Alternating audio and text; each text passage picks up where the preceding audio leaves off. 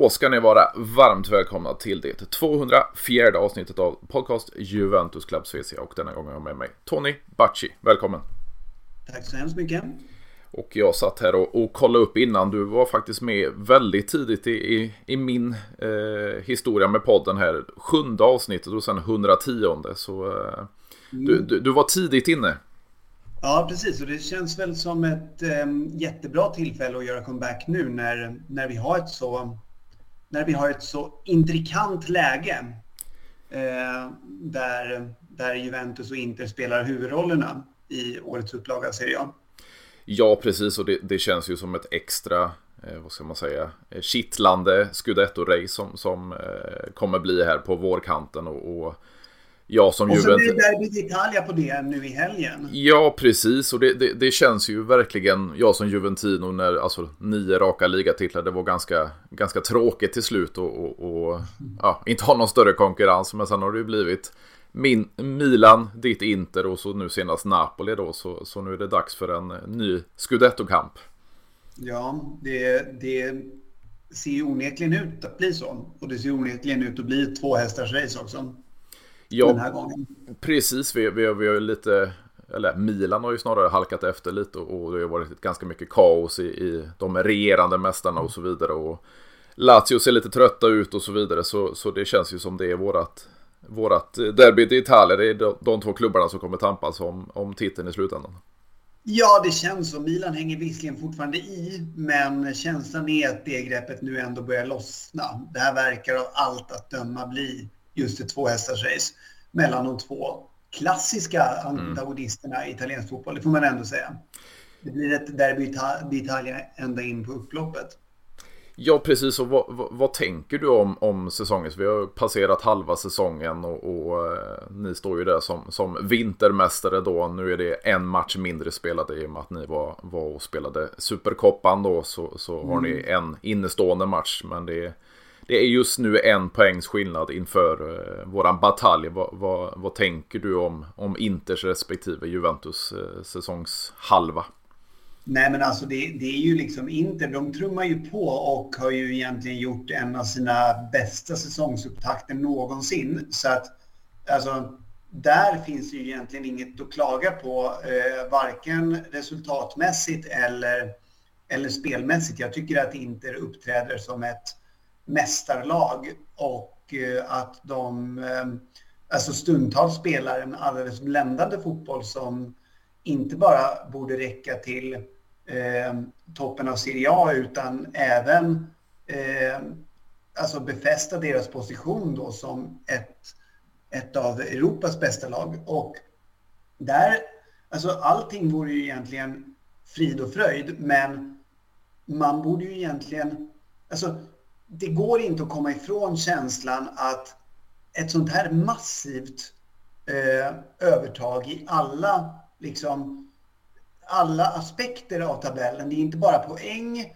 utan, utan även, även liksom målskillnaden där inte då är det laget som har gjort flest mål, släppt in minst mål och ja, men dominerar egentligen alla statistikposter. Eh, mm. Det borde har renderat i ett eh, betydligt större poängövertag. Men där är det ju så att banne mig, Juventus, de hänger i. Alltså, och man vet ju inte hur...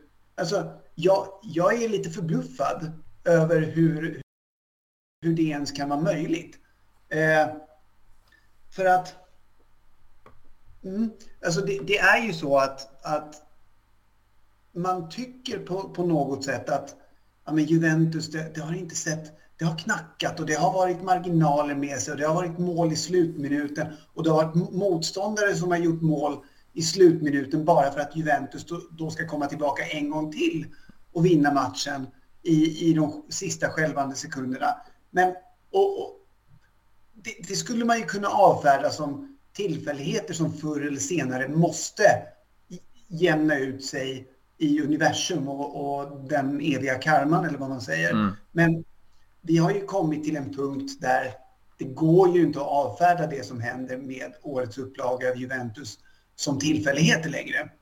För att någonstans på vägen har man ju börjat förstå att det här, det är så här, det är så här att Allegri vill att det ska se ut. Och nu på sista veckorna så har ju dessutom spelet börjat se betydligt bättre ut och man har dessutom fått igång Vlahovic mm. eh, som en pålitlig målmaskin igen.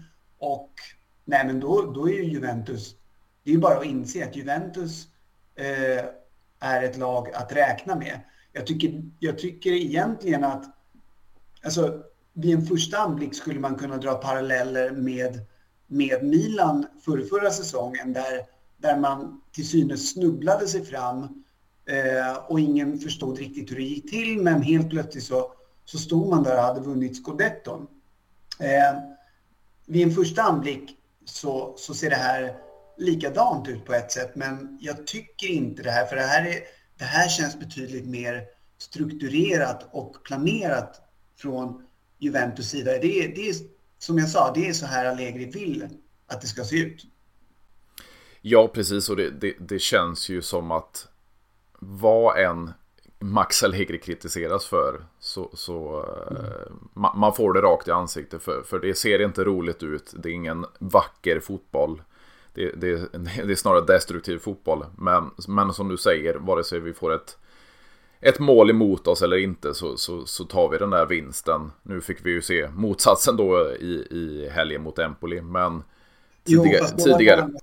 med 10 man i 70 Precis. Ja, mm. man satt ju ändå med, med, med ett stort bollinnehav med 10 man i, i 75 minuter. Så jag menar det, det, det ser väldigt bra ut även fast det inte är vackert att se på. Men bevisligen så, så är det ett fungerande koncept som eh, Max Allegri kör på. Absolut, och nu tycker jag dessutom att det, att det inte ser så värst pjåkigt ut heller sedan, sedan några veckor tillbaka. Det har ju varit några 3-0-segrar mm. eh, som, eh, ja, men som verkligen har eh, som verkligen befäster då att ja, men dels att Juventus är på väg att, eh, ja, men att göra, att få igång spelet på det sättet de vill. Och, men kanske framför allt då att det, det som jag nämnde tidigare, att Vlahovic nu är igång på allvar. Och det är ju någonting som Juventus har väntat väldigt länge på. Vad tänker du kring det här? Det har ju varit mycket skämt från, från Max Allegris sida med eh, ja, Scudetto-jakten och att Inter har varit eh, byggda för att vinna Scudetton och så vidare. Och det här med, med, med rånare och väktare, skämten och så vidare. Ser du charmen i det eller blir du irriterad likt? Ja, vad... ja. Alltså, mm. Jag tycker att det här är någonting som gör eh, som gör säsongen väldigt, väldigt... Det är en extra krydda till säsongen tycker mm. jag. För att det har ju varit en ovanligt intressant säsong att följa mm. ur just ett Juventus Inter-perspektiv. Och det har flera anledningar. Dels, dels eh, som, som vi har nämnt nu, för att det är de två lagen som faktiskt slåss i toppen av Serie A. Och i skrivandets stund verkar de ju ha lämnat alla antagonister bakom mm. sig. Eh, men också givetvis i någon mån som en konsekvens av det förstnämnda, går ju Inter och Juventus en osedvanligt intressant och långdragen medial match mm. mot varandra. Och där poängerna både är många och oftast väldigt fyndiga. Mm. Och underhållningsvärde saknas sannerligen inte. Och det hjälper ju till att bygga upp helgens möte till ett av de mest spännande och betydelsefulla på flera, flera år. Eh, och precis som du säger, Allegri har ju flera gånger, nästan som ett mantra då, mm. upprepat att Inter är ett lag som är byggda för att vinna scudetton. Medan Inzaghi då sin sida kontrar med att ja, om laget med seriens överlägset högsta omsättning och överlägset högsta lönebudget inte är byggda för att vinna scudetton, ja, då måste det ju vara något som är rejält fel. Och då säger Allegri då, ja men vi har ju minsann förlorat vår kanske viktigaste pusselbit i det här lagbygget. Och dessutom så har vi kanske förlorat den, den kanske tilltänkte ersättaren på det där mittfältet, alltså Pogba och Fagioli. Mm. Ja, då kontrar Inzaghi med att räkna upp alla spelare som inte tvingats göra sig av med de senaste säsongerna för att klara sina finanser. Och så där har det fortsatt. Allegri har pratat om ladri guardia, alltså tjuvar och vakter, mm. väktare, när han har beskrivit tabellen, men inte då som är tjuvarna som smiter och Juventus är vakterna som jagar hack i häl. Mm. Och det är en helt oskyldig liknelse menar Allegri med sitt det där allra snedaste leendet som han kör med det här. Han vet ju så väl att just termen tjuvar, det är något som kommer elda upp alla interisti mm. som de har ju ett och annat att säga om vilka det egentligen är som är tjuvarna i den här ligan sett till de senaste åren. På det hela taget är det här jätteunderhållande tycker jag. Och ja, det här handlar ju givetvis om att vrida och vända på fakta som en metod för att lägga över favoritskapen och pressen på det andra laget. Ehm, men och så kan man ju titta då hur ligger det egentligen till med det de faktiskt säger. Vem, ska, vem är egentligen som ska vara favorit? Och ja, det här går ju såklart att tvista om in absurdum, men faktum är att jag tycker att både Inter och Juventus har jättegoda poänger på sitt sätt. För det ska ju egentligen vara så, som Inzaghi säger, att laget med den största omsättningen och den högsta lönebudgeten också är det lag som sportsligt ska gå bäst. I alla fall ifall de personer man har satt att utföra arbetet sköter sina kort någorlunda rätt. Och utifrån den parametern så ska ju Juventus självklart gälla som favorit. Men det är ju samtidigt så att år 2024 så är Juventus en klubb under rekonstruktion. Mm. Så, sedan några år tillbaka så håller spelartruppen på att ömsa skinn. Man har gjort av sig med, med de flesta av sina eh, tunga gamla pjäser. Nu senast Bonucci då under väldigt uppmärksammade mm. former.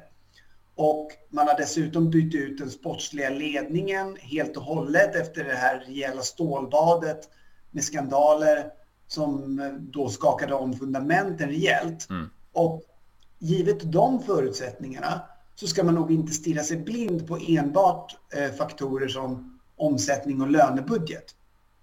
Eh, inte då å sin sida. De har ju kunnat eh, sätta sin grund under flera års tid och de har ju en helt annan stabilitet både på planen och utanför. Absolut, de brottas med att få ihop sina finanser och som en konsekvens av det så måste man sälja minst en tung spelare varje säsong. Men i och med den här stabiliteten där den sportsliga ledningen har fått jobba eh, långsiktigt och metodiskt varje år så har man ju hittills kunnat lösa det här på ett sätt som både känns kontrollerat och ja, men faktiskt ganska imponerande. Så här, jaha, världens bästa högerback Hakimi. Han fick ett fantasibud som det inte gick att säga nej till. Okej, då tar vi väl in Dumfries istället. Det går ju nästan lika bra det. Jaha, Brozovic vill bort. Ja, men vi har ju Chalanoglu som eh, redan hade ersatt honom jättefint förra säsongen. Det är klart att vi, vi kör vidare på det. Går Mkhitarjans kontrakt ut med Roma om ett halvår? Ja, men han skulle ju passa in perfekt i Inzagis lagbygge. Vi tar väl och frågar honom om man kan tänka sig att byta lag efter säsongen. Och så vidare och så vidare. Och det här påminner ju inte så lite om det här arbetssättet som ett visst Juventus mm, ägnade sig mm. åt för några år sedan. Och mycket riktigt så finns det ju en gemensam nämnare här mellan de årens Juve och eh, nuvarande Inter och det är ju Beppe Marotta. Absolut. Ja, så, att, så, att, så får man säga. Alltså, det, här, så det här med favoritskapet, det, det är ju liksom ett tvåeggat svärd och jag tycker ju att båda, båda lagen har rätt på sitt sätt. Ja, och på tal om just Beppa Marotta, det, det, precis som under tiden i Juventus och nutiden i, i Inter, nu, nu är han väl tillsammans med Pero mm. Ausilio då, eh, som arbetar på marknaden, men, men det här att han går sällan snett, det, det alltså Quadrado kanske inte var eran bästa värvning, men man ser en Fratesi och man ser framförallt en Marcus Thuram då som, eh, mm. som har varit bländande. Så det, det, är sällan som Marotta går fel. Nej, precis. Alltså nu, nu var ju, och det ska ju sägas att Quadrado var ju en av Inters absolut bästa spelare på försäsongen. Mm. Och någon, mm han höll ju faktiskt på att vända den här massiva eh, kritikstormen som Marotta och Asilio fick utstå för att man gjorde just den värmningen. Eh, för att det var, ju, det var ju långt ifrån populärt i interleden att man tog in en, en spelare som, som Quadrado i sina, i sina egna led. Men han höll ju faktiskt på att motbevisa eh, alla tvivlare fram tills han då ja, men gick sönder och tvingades spela eh, småskadad och så vidare. Och sen ledde ju det till operation. Och det är ju tveksamt om vi ser honom göra en match till i Intertröjan. Men de var ju faktiskt på väg att sätta även, även det draget.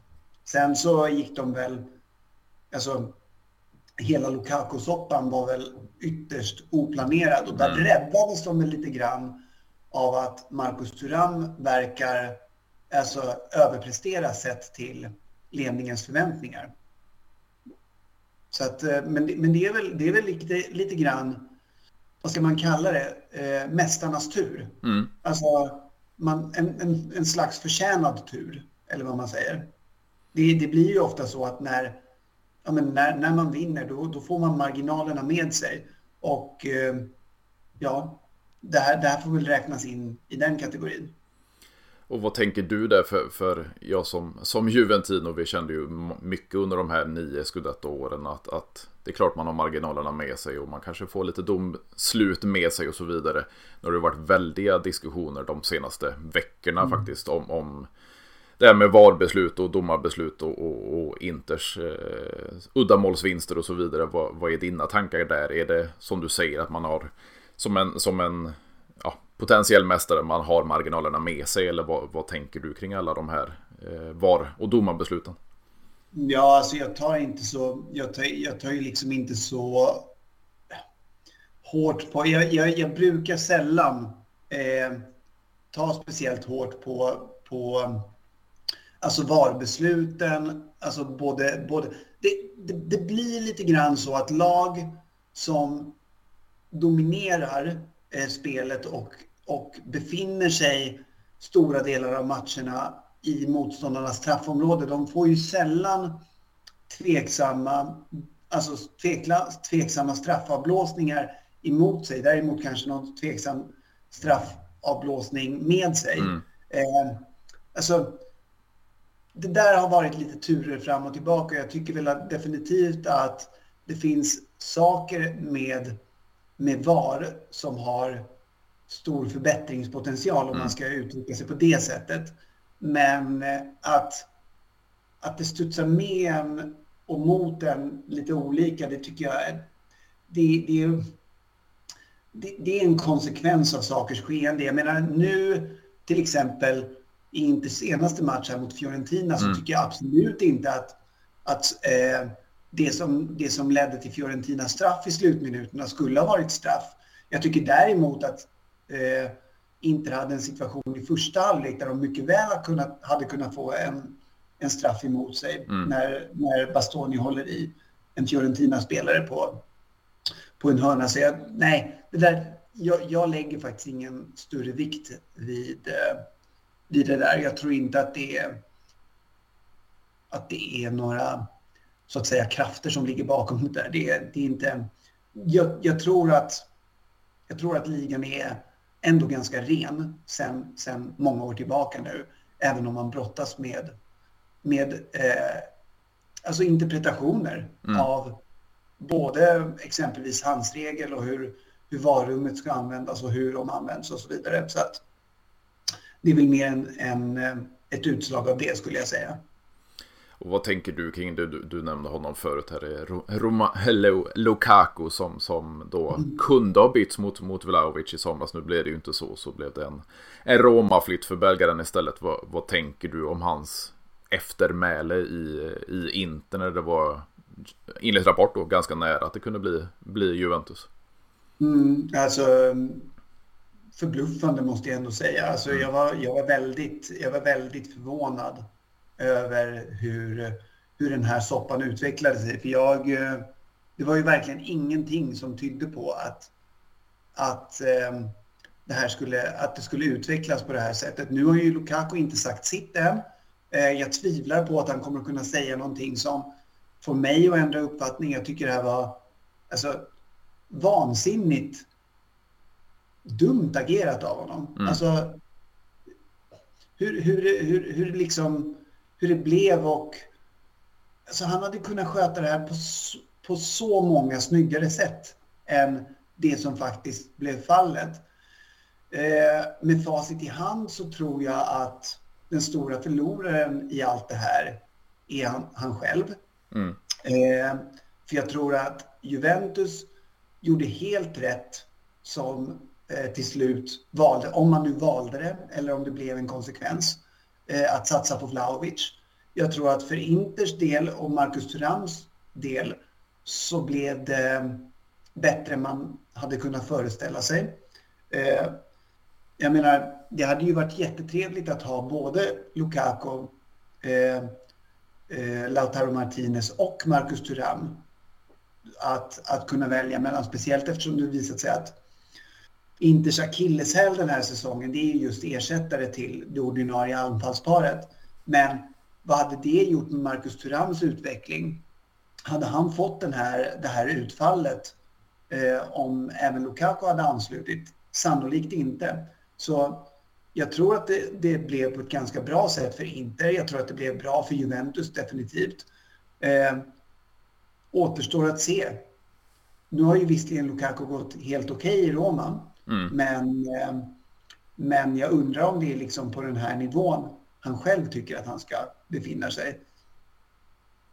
Ja, precis. Om vi hoppar lite längre bak i banan, eller ända bak mellan stolparna. Vi har fått se en Handanovic i många år. Vi fick se en, en, en säsong mm. med, med Onana. Nu sitter ni med Jan Sommer och en gammal Juventus-produkt i Emil Audero. Är du nöjd med den mm. målvaktsuppsättningen?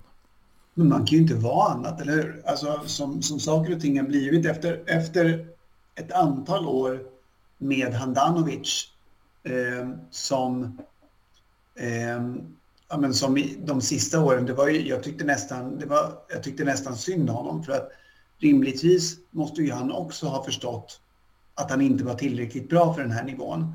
Eh, så att, så att jag lägger ju egentligen ingenting av hans sista säsonger direkt på honom.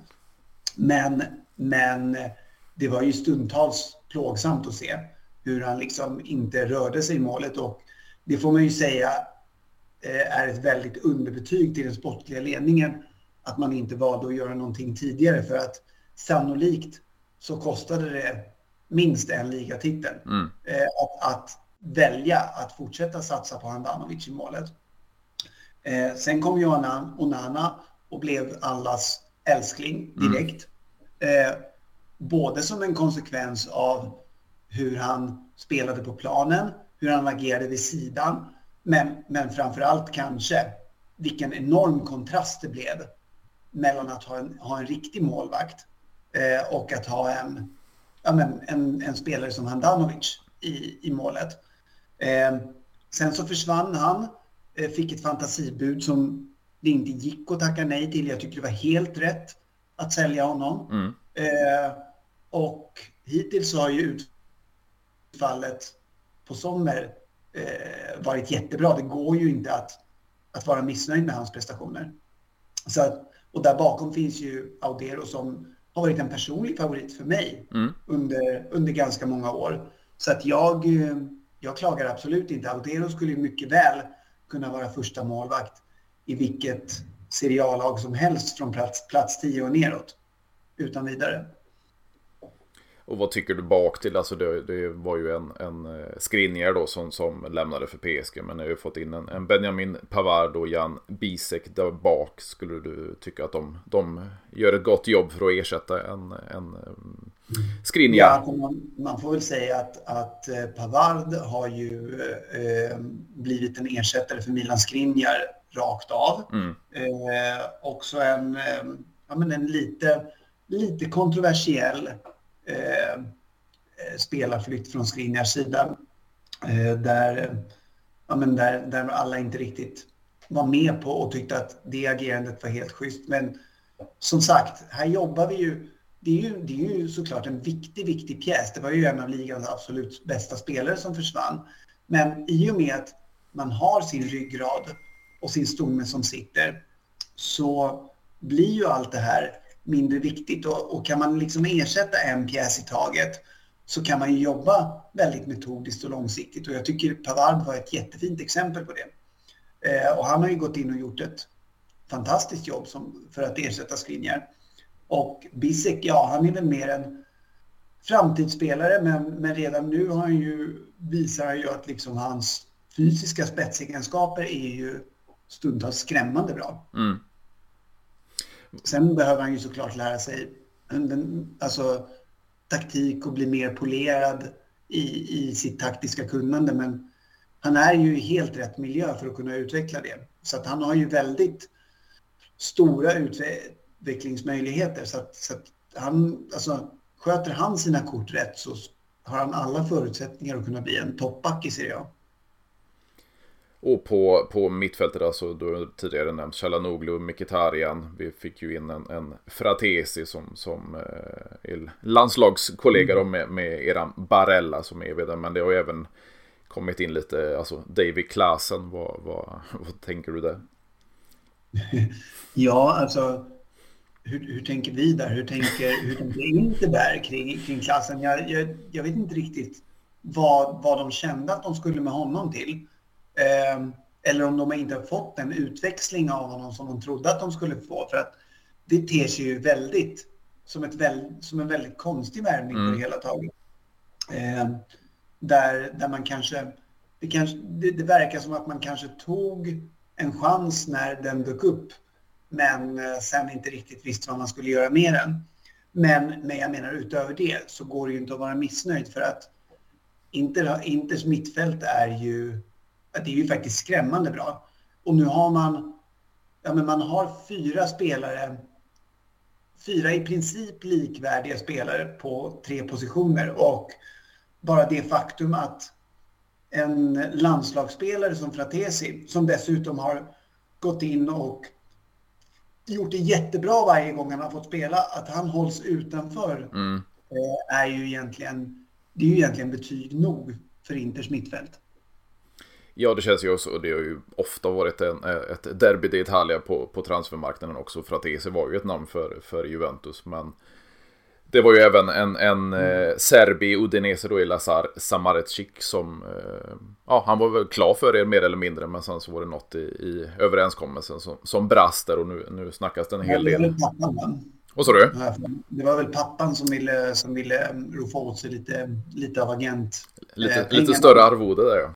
Ja, precis. Men, men det känns ju inte som eh, Samarczyk att med, med tanke på mittfältet ni har så kanske det inte är en spelare som ni, ni behöver i dagsläget heller. Nej, kanske inte. Å andra sidan så, så har jag eh, väldigt länge varit ett fan av honom så jag hade mer än gärna sett att han kom in eh, på Inters mittfält och jag tror att det laget som man till slut väljer att gå till, det har ju ryktats om både Juventus och Napoli nu, mm. men, men det laget där som drar det längsta strået tror jag gör en kanonvärmning för att det här är en, ja, men det är en personlig favorit till mig. Jag hade mer än gärna sett honom inte faktiskt. Så det var lite synd att, att eh, det blev klassen där istället. Ja, precis. En liten, liten åldrande spelare plus att Mkhitaryan han är ju 35 eh, och Chalanoglu 29 så, så ja, en, en potentiell framtida ersättare hade ju Samardzic kunnat vara.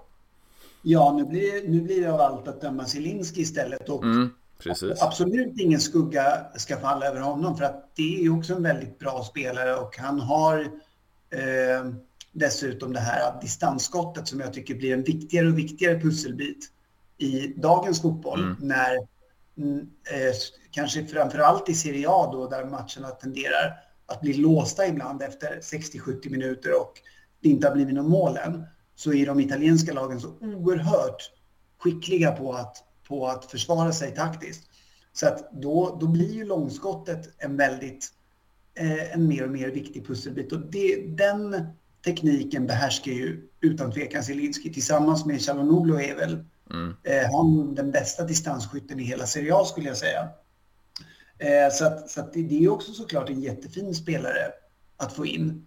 Eh, en annorlunda spelare dock än Samardzic som jag, eh, ja, men som jag eh, tycker är... Ja, jag, jag hade nog kanske lite hellre sett, sett honom som ersättare. Sedan såg jag, tror det var, är det Leicester som eh, Stefano Sensi är på väg till nu i, nu i januari? Ja, det finns väl en logik i det också. Jag menar Sensi, han, jag, jag tror att han eh, flög ner igår faktiskt. Mm. Eh, så att han är i skrivande stund så är han nog en Leicester-spelare. Mm. Men nej, det, det, är ju bara att konstatera att, att Sensis tid i Inter inte blev det, det som lovade så gott. Alltså spelarens, spelarens förmågor och talang ifrågasätter absolut ingen. Men han är alldeles för skadebenägen tyvärr för att för att hålla på, på den allra högsta nivån och det ska bli väldigt intressant minst sagt att se hur han behärskar en fysisk liga som den engelska. Mm. Den engelska andra divisionen dessutom. Ja, precis, precis. Mm. Och sedan tänker jag, det var ju faktiskt ett, en kamp mellan oss också för eh, Carlos Augusto på, på vänsterflanken. Vad, vad tänker du om hans mm. första tid?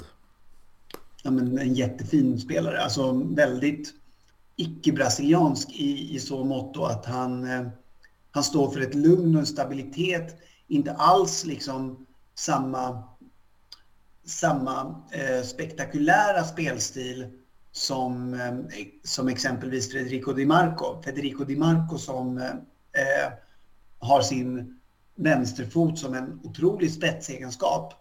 Medan då mm, eh, Carlos Augusto är ju betydligt mer eh, ja, men habil eh, och eh, utan de här spetsegenskaperna men eh, som fortfarande är ja, men, nej, men en, en otroligt stabil och bra truppspelare att få in.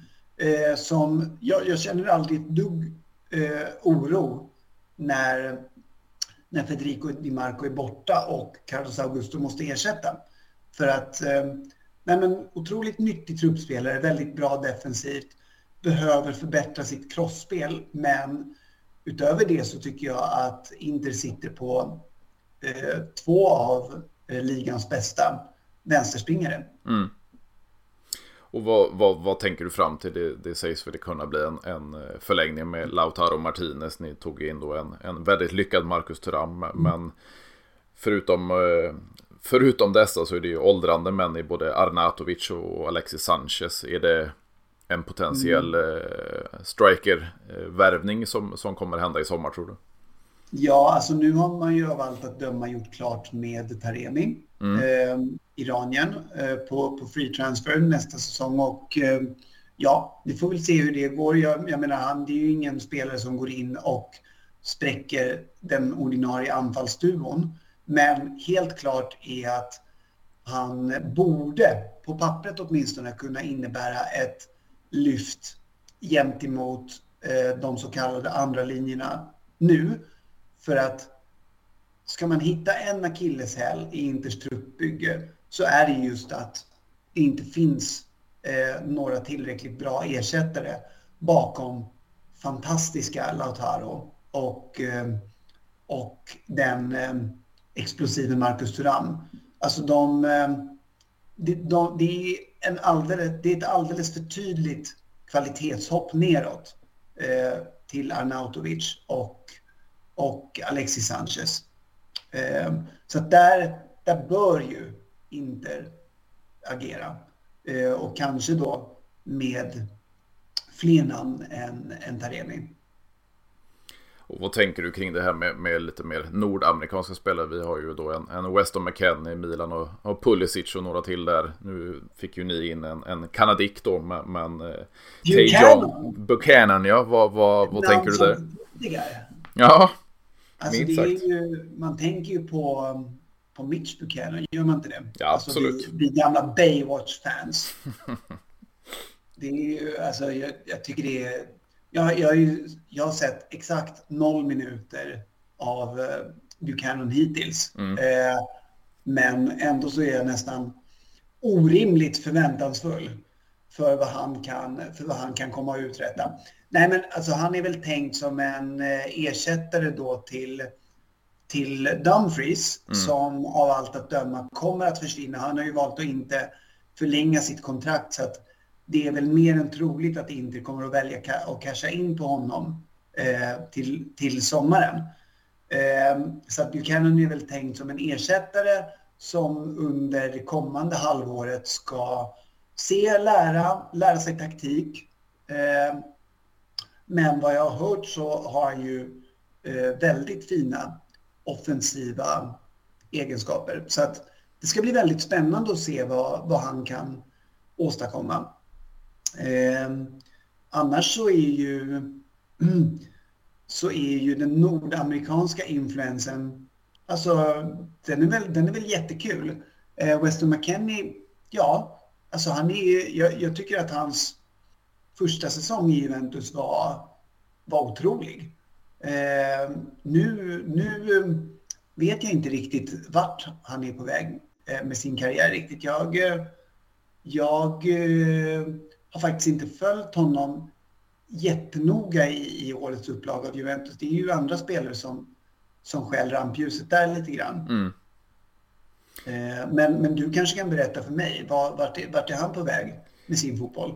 Jag tror ju många blev överraskade som du är inne på, alltså debutsäsongen efter han kom från Schalke så var det nog många som förvånades. Jag, jag skrev något, något, något tweet där mm. när, precis när de värvade eh, honom. Och bara, okej, så Juventus har värvat en ny materialare, kul. Mm. Mm. Eh, men, men det är väl bara att konstatera då, alltså att jag, jag tror faktiskt att jag eh, citerade det tweetet efter några månader och skriva okej, okay, även den bästa kan ha fel eller någonting i den mm, stilen. Mm. För att han, han överbevisade mig då. Jo men det känns ju lite så här, för, för det var ju ett namn från ingenstans. Jag hade ju aldrig hört talas om han, honom i, i Schalke då. Men, men överraskade många. Sen var det ju lite tyngre tiden därefter och sen eh, lånet till Leeds. Då var det ju många som ville bli av med honom. Att, att skulle de klara sig kvar i Premier League så skulle de få, få tvinga, tvingas köpa loss honom. Men sen när han mm. kom tillbaks, nu talas det ju till och med om en, om en förlängning. Eh, mm. Och det är ju för att han är så pass användbar i Allegris formationer. Han kan spela centralt på mittfältet men han kan även gå ut på, på en eh, flank då. Och, eh, han har nog motbevisat många med någonting har hänt i lånesessionen i, i Leeds. Han har blivit en mer, eh, vad ska man säga, eh, fullkomlig spelare. Alltså han, han visar på teknik, han visar på, på lungor.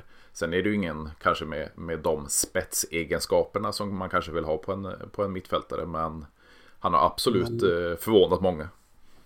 Såg du den där grejen han gjorde i VM han torkade av sig på en funktionär? Ja, jajamän.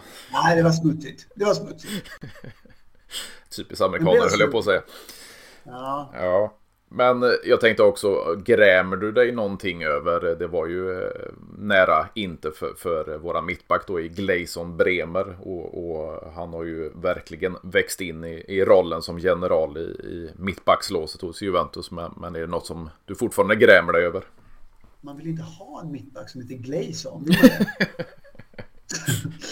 Nej men alltså, jo, det, det, alltså han är ju, han är ju arguably Serie A's mesta, bästa mittback. Mm. Alltså tillsammans med, eh, med hela Inters backlinje får man ju säga. Mm. Eh, så, så, är ju, så, är ju Bremer, så är ju Bremer bäst. Och det är ju klart att han eh, hade gått in och gjort ett kanonjobb även i Inter. Och det är klart att det sitter som en tagg i sidan. Och det är klart att Inter inte skötte den där förväntade, förmodade övergången på ett helt på ett bra sätt. Det, det var väl kanske lite framtvingat av just de här finanserna då, att man var tvungen att respektera dem.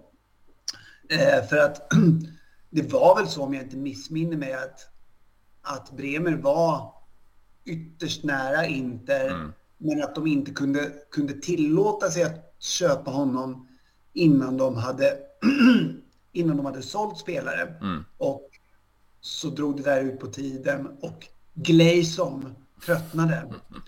Och Juventus kom in och framstod som ett rimligt alternativ.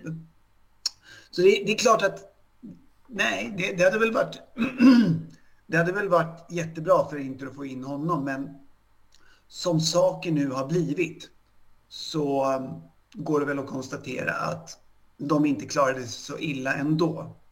Så får man väl säga. Ja, och sen har vi ju en annan då som eh, kom in nu i, i dagarna då faktiskt. Det, det var eh, Inter som var överens om en bossmanvärvning då av Thiago Diallo från, från Lille. Men eh, Juventus betalade en liten summa till, till den franska klubben och det blev, blev Turin istället för Milano. Vad, vad tänker du kring denna affär? Ja, jag tänker att Inter gjorde helt rätt som inte tog in honom under det här vinterfönstret för att jag det, det, hade ju funnits en risk. Även om spelaren är skadad och inte kan spela nu på ett tag så hade det ändå funnits en risk att man kunde rubba mönster och rubba hierarkier och störa balansen i det Inter som faktiskt går oerhört bra nu.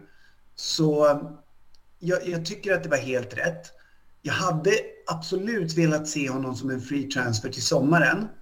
Men om priset att betala för det eh, hade varit att, att ta in honom nu istället och rubba, ja, men rubba mönstren så tycker jag ändå att, att Inter gjorde det kloka valet. Och om priset blev att Juventus snodde honom minst, mitt framför ögonen så må väl det vara hänt. Och sen får väl kanske framtiden motbevisa mig om Diallo ser till att göra den här dundersuccén som exempelvis Bremer har gjort samtidigt som det nya namnet Inter inte håller den nivån. Då, blir det, då kommer ju det såklart svida eh, lite mer än det gör nu.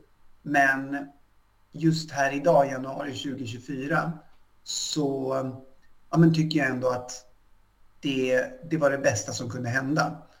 Eh, ja, det var kanske inte optimalt att Juventus tog honom. Men om det är priset att betala så får vi väl betala det då. Så känner jag. Och vad tänker du nu? Är det, om du bortser från, från klubbfärgerna så har vi faktiskt en, en Federico Chiesa i ett eh, italienskt landslag som, som eh, mm. jag antar att du vill att det ska gå bra för. Vad, vad mm. tänker du kring Chiesas ja, skadebekymmer som, som man har dragits med? Chiesas situation är ju väldigt intressant. Mm. Eh, för att han är ju troligtvis, ska jag säga, den italienska spelare med högst, högsta nivå mm. just nu. Samtidigt så har han en ganska, ja men precis som du säger, han är väldigt skadebenägen.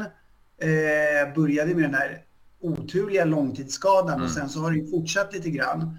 Eh, och där, där är Juventus, de har ju faktiskt en ersättare, eh, en oerhört spännande mm. ersättare mm. i eh, Gildis som har gått in och gjort det. Jag tycker han är jag tycker han är fantastisk. Mm. Alltså det är ju en av de spelarna i Serie A som jag tycker är mest sevärd och som dessutom får ganska mycket utdelning för det. Och kännandes Allegri rätt så kommer det vara svårt att hitta en plats för båda dem på planen samtidigt. Mm. Eh, åtminstone alltså, i, i, under matchers gång och under kortare perioder, absolut. Men inte på ett långsiktigt plan. Och då ska det ju bli väldigt ja, men spännande att se, se hur, hur eh, Juventus väljer att hantera det. Och om, eh, om Chiesa har en framtid i Juventus. Jag vill tro att han har det. Eh, för att jag, ja, men jag, precis som du säger, jag vill ju att det ska gå bra för honom i ett Italien-perspektiv. Mm. Så att han får gärna göra jättefint ifrån sig eh, i liksom 38 matcher, eller vad, vad blir det? 36 30, matcher? 36, ja. Eh, men, eh, men ja, eh, det, jag, jag, är väldigt spänd på att se hur Juventus och Allegri hanterar situationen som har uppkommit. Och vad tänker du kring Inzaghi kontra Allegri, dels historiskt och dels den här säsongen? Mm. Inzaghi kontra Allegri. Alltså förutom att de eh, utkämpar en medial batalj som vi redan varit inne mm. på. Så eh, tycker jag att det är två tränare som är på, på rätt plats vid rätt tillfälle. Alltså jag tycker att alltså Inzaghi har ju blivit Interfansens stora idol nu. Alltså han, han, den, den ifrågasatthet som eh, präglade honom under ja, men kanske främst den första säsongen då när, när eh, ligatiteln gled honom mer eller mindre ur händerna på ett sätt som det kanske inte hade gjort för en Antonio Conte. Eh, allt det där är ju borta nu och eh, alltså istället, det har ju ersatts med en, med en stor beundran för hans jobb och ja, men det, är ju, det är ju ingen som... Jag tror, inte, jag tror inte man skulle byta ut Inzaghi eh, mot någon annan tränare i världen just nu. Eh, medan då Allegri, han är betydligt mer, alltså betydligt mer ifrågasatt i de egna leden om jag förstår det här rätt. Eh, hur, hur ni där borta tänker på, mm. på den andra sidan datorskärmen. Men alltså jag tycker ju att det, alltså, Juventus Allegri är en... Ja, men, det, det är liksom en, en hatkärlekshistoria som jag tycker är ödesbestämd att fortsätta. Jag tycker, det, jag tycker det finns något väldigt vackert med Allegri i Juventus. Alltså som, som den fotbollsromantiker jag är så, så tycker jag att Allegri och Juventus de, de är så oerhört jävla kompatibla med varandra säger jag i mitt utanförperspektiv. Mm, mm. Eh, så, jag, jag, tycker det är för vackert för att inte fortsätta. Eh, och jag tycker att Allegri är oerhört skicklig, oerhört mycket stil i Juve. Eh, och jag, jag, tycker att han är rätt man på rätt, rätt plats. Jag, jag, är inte alls lika säker på, på honom någon annanstans. Men just, alltså, just i Juventus så tycker jag det verkar som att ja, men han, han tillhör inredningen där. Och jag tycker att han, eh, han, gör, han gör ändå det bästa, tycker jag, rent personlig åsikt, med, med, med en jävligt svår situation.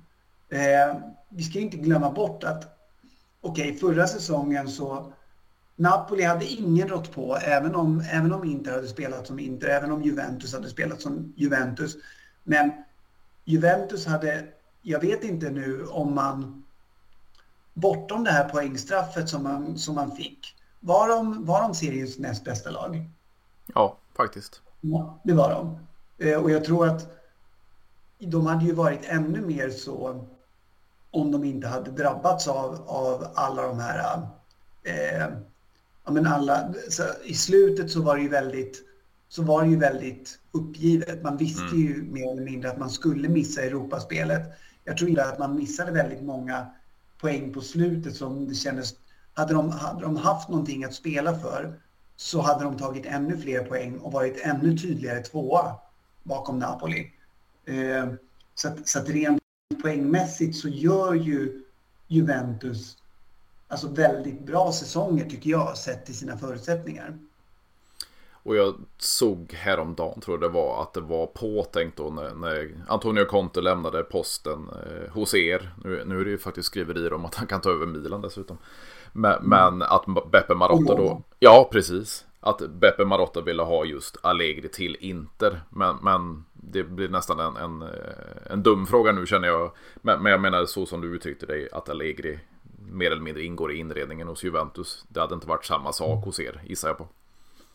Nej, det hade det inte, men som situationen var där och då när Conte hade lämnat så hade jag eh, mer än gärna mottagit Allegri. För Allegri var ju eh, den tränare som då kunde ha eh, gett inte den stabilitet mm. som, som, eh, ja, men som mer eller mindre var ett oskrivet kort efter att Conte ganska plötsligt på det här sedvanliga Conte-sättet mm. eh, när, hoppade av där. Så att det lämnade ju ett stort tomrum efter sig. Inzaghi var ju mer ett oskrivet kort eh, där. Han hade visserligen rattat Lazio, han hade visserligen anammat det 3-5-2 som, som Inters trupp var byggd för. Men jag kände väl att, och, och det gjorde nog Marotta också, att, eh, att Allegri hade varit ett första val som situationen såg ut då. Men eh, han hade ju redan muntligt tackat ja till, till Juventus. Mm. Och ja, det, ordet, det ordet stod. Och jag tänker också det här med, med vi har fått se då en, en eh, tidigare nämnd Fagioli, vi har fått se en Meretti, vi har fått se en Illing Junior, vi har fått se en Solé nu som brummar ut i, i, i Frosinone tillsammans med, med Baranece och så vidare. Det, det, och nu Gildis som du nämnde också. Det, det, det, kommer en del spelare från, från Juventus. Nexien då. I... Det är ju inte vad man, vad man normalt förknippar med Allegri, eller hur? Nej, precis. Det har, det, det har verkligen blommat ut. precis, precis. Och då, då tänker jag så här. Vi, får se, vi har fått se ett Atalanta då med ett U23-lag i Serie C. Det talas om dina stadsrivaler i, i Milan, varför har inte Inter och andra storklubbar ett eh, andra lag? Mm, mm. Det där är ju en fråga som jag inte är tillräckligt insatt i för att, för att kunna ge ett tillräckligt bra svar på. Så mm. jag, jag, ehm, jag, jag, jag, tror faktiskt jag passar på att kasta mig in i de, i de eh, markerna för att det, det känns ju som att ja, men vad jag än säger så, eh, så jag, jag, är inte tillräckligt, jag är inte tillräckligt med kött på benen där för att kunna, för att kunna ge ett bra svar helt enkelt. Nej, precis. Och det, det känns ju som det är framförallt det finansiella för, för som Juventus då startade för fem år sedan tror jag det är och det är väl fem, sex år sedan man startade ett, ett damlag då. Det är, ju framförallt ekonomin som, som berörs där och sen eh, få fram allting så, så jag kan ju för, på ett sätt förstå att italienska lag inte riktigt har, har snappat efter riktigt än. Men, men bevisligen i Juventus så börjar det bära frukt då med, med de här talangerna som kommer upp i, i, i seniorlaget. Jo, men Juventus har ju alltid varit, de har ju alltid varit i framkant i Italien vad det mm. gäller just ja, men att, att hantera finanser. Det är ju därför man, det är därför man har kunnat ha en så, ja, men så pass bra omsättning som man har. Jag menar, alltså bara en sån sak som att de har egen stadion. Mm. Eh, något som både Milan och Inter eftersträvar eh, och förhoppningsvis någon gång, någon dag kommer nå fram till. Men eh, där, där ligger Juventus minst tio år i framkant. Så att, att där har ju alltid de varit pionjärerna när det gäller att liksom hantera eh, sin klubb som ett internationellt företag som då renderar ökad omsättning och vinst. Vad står du i, vad ska man säga, arenafrågan? Skulle du vilja fortsätta tillsammans med Milan på San Siro, bygga nytt eller var för sig? Alltså, jag är ju såklart kluven som, mm. som de flesta andra för att jag menar fotbollsromantiken i mig vill ju aldrig någonsin lämna San Siro som är en av fotbollsvärldens kanske mäktigaste arenor. Mm. Eh, samtidigt så är ju, alltså vill man att Inter ska vara en klubb som fortsätter ligga i europeisk framkant, då måste man ju eh, alltså se till att öka sina intäkter eh, på ett sätt som egentligen omöjliggör, som det, som det verkar, att man stannar kvar på San Siro. Man behöver sin egen stadion, man behöver eh, kontroll över intäkterna på ett helt annat sätt. Och jag vill ju att det inte ska vara ett lag som, som ligger i Europas framkant på lång sikt. Så ur det perspektivet så är det väl klart att jag också vill ha en egen stadion. Men det svider i hjärtat. Det, det går inte att säga något annat. Och vad tänker du slutligen? Vi, vi har eh, 2045 söndag. Inter, Juventus, Derby d'Italia, San Siro, Milano. Vi har fått se ett, ett Juventus då i i Coppa Italia kanske framförallt eh, ösa in mål. Sen har det blivit som du var inne på 3-0 mot Sassuolo och Lecce innan plumpen då senast mot Empoli medans eh, ditt Inter då har Ja, lite uddamålsvinster. Det var 1-1 mot Genoa innan årsskiftet och, och eh, mm. vinst över Lazio då i semifinal i, i Superkoppan i nytt eh, upplägg och sen en, en finalvinst mot Napoli. Nu senast uddamålsvinst mot Fiorentina då. Mm. En poängs skillnad, en match mindre spelad. Vad, vad tänker du kommer hända på söndag? Ja, det som kommer hända rent faktiskt, om jag får skryta lite, det är att mm. jag kommer vara där. Det är mm. jättekul. Ehm, eh, så det, det, var en serie av lyckliga omständigheter gjorde att jag råkade befinna mig i Milano eh, just den helgen. Och råkade titta Ska man inte se om Inter spelar fotboll på hemmaplan just den helgen? Oj, de mötte Juventus. Så, så trevligt det här blev då. Eh, nej men, eh, så, så, det, så det är ju kul. Vad det gäller själva matchbilden så, ja, som de senaste veckorna nu har blivit så befinner sig ju Inter i en situation att nu när de besegrade Fiorentina eh, i, i den sena kvällsmatchen och efter att både Milan och Juventus tappat poäng. Så efter den segern, skulle det bli seger mot Juventus och dessutom seger i, i hängmatchen, mm. ja då är det helt plötsligt bra många poängs försprång. Eh, och det vet tusan om Inter kommer att tappa.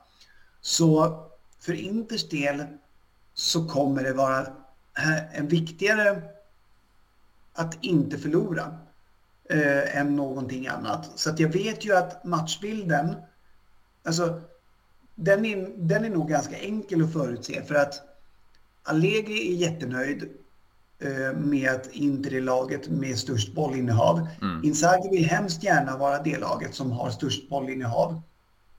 Så att, att vi kommer att få en matchbild där Inter äger mycket boll, åtminstone inledningsvis, det är ganska lätt att förutse.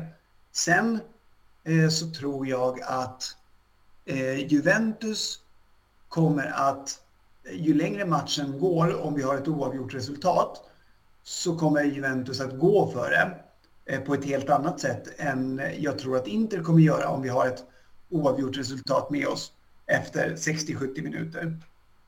Eh, men, men jag tror att vi kan vänta oss en, en, en matchbild där, där Inter kommer att hålla ganska mycket i taktpinnen och eh, Juventus kommer att rikta in sig på omställningar.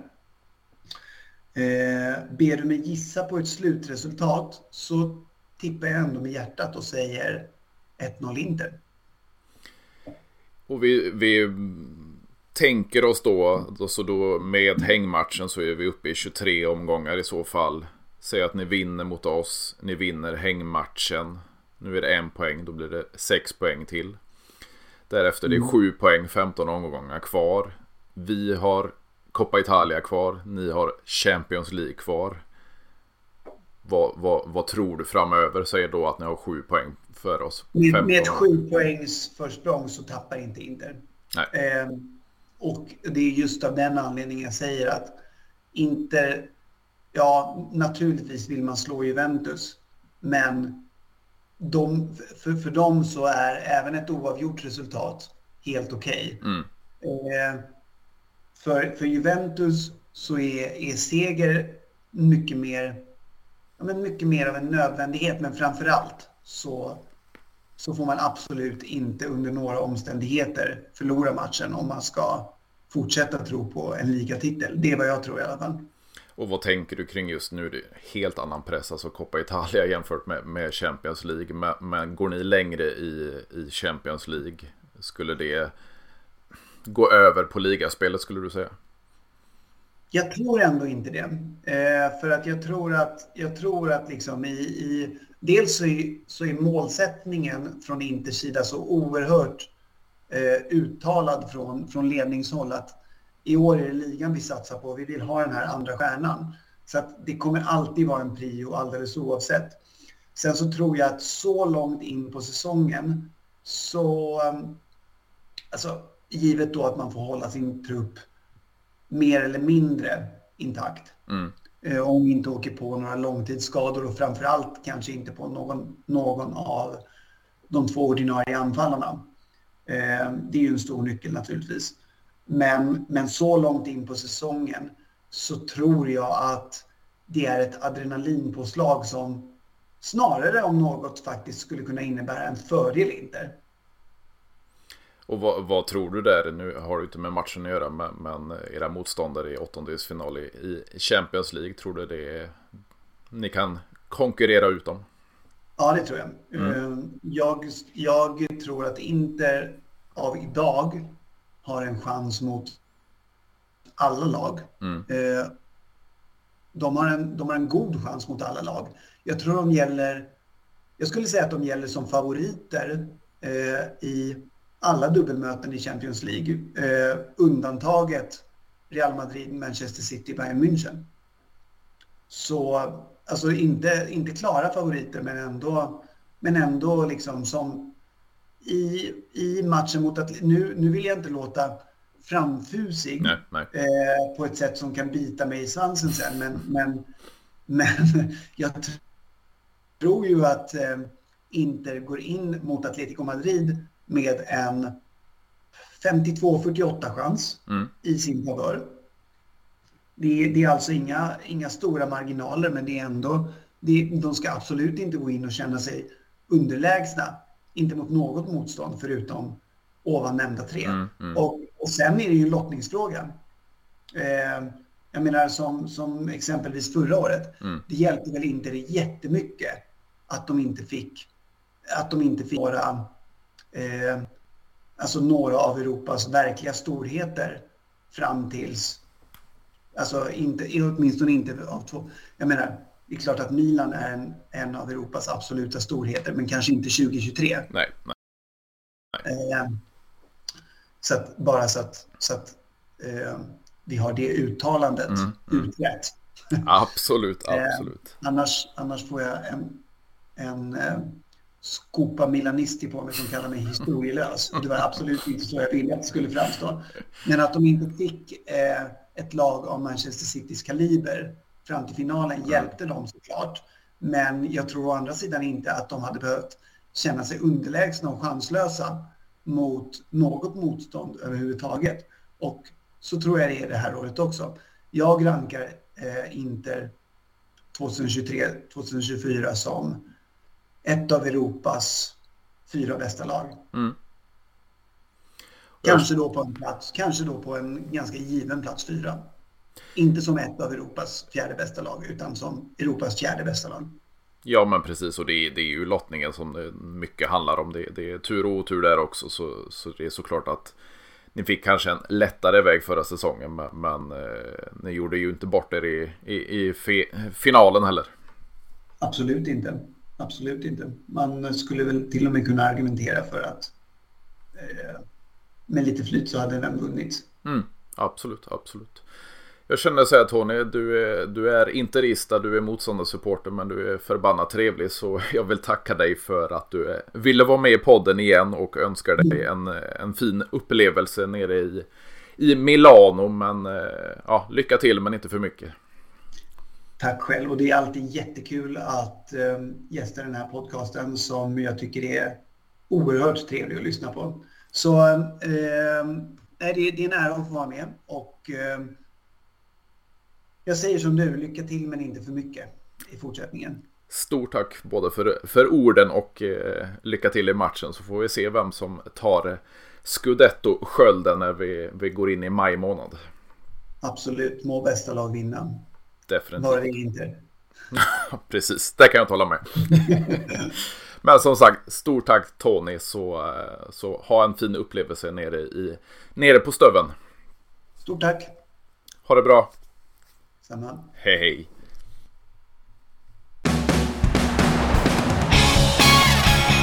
Detta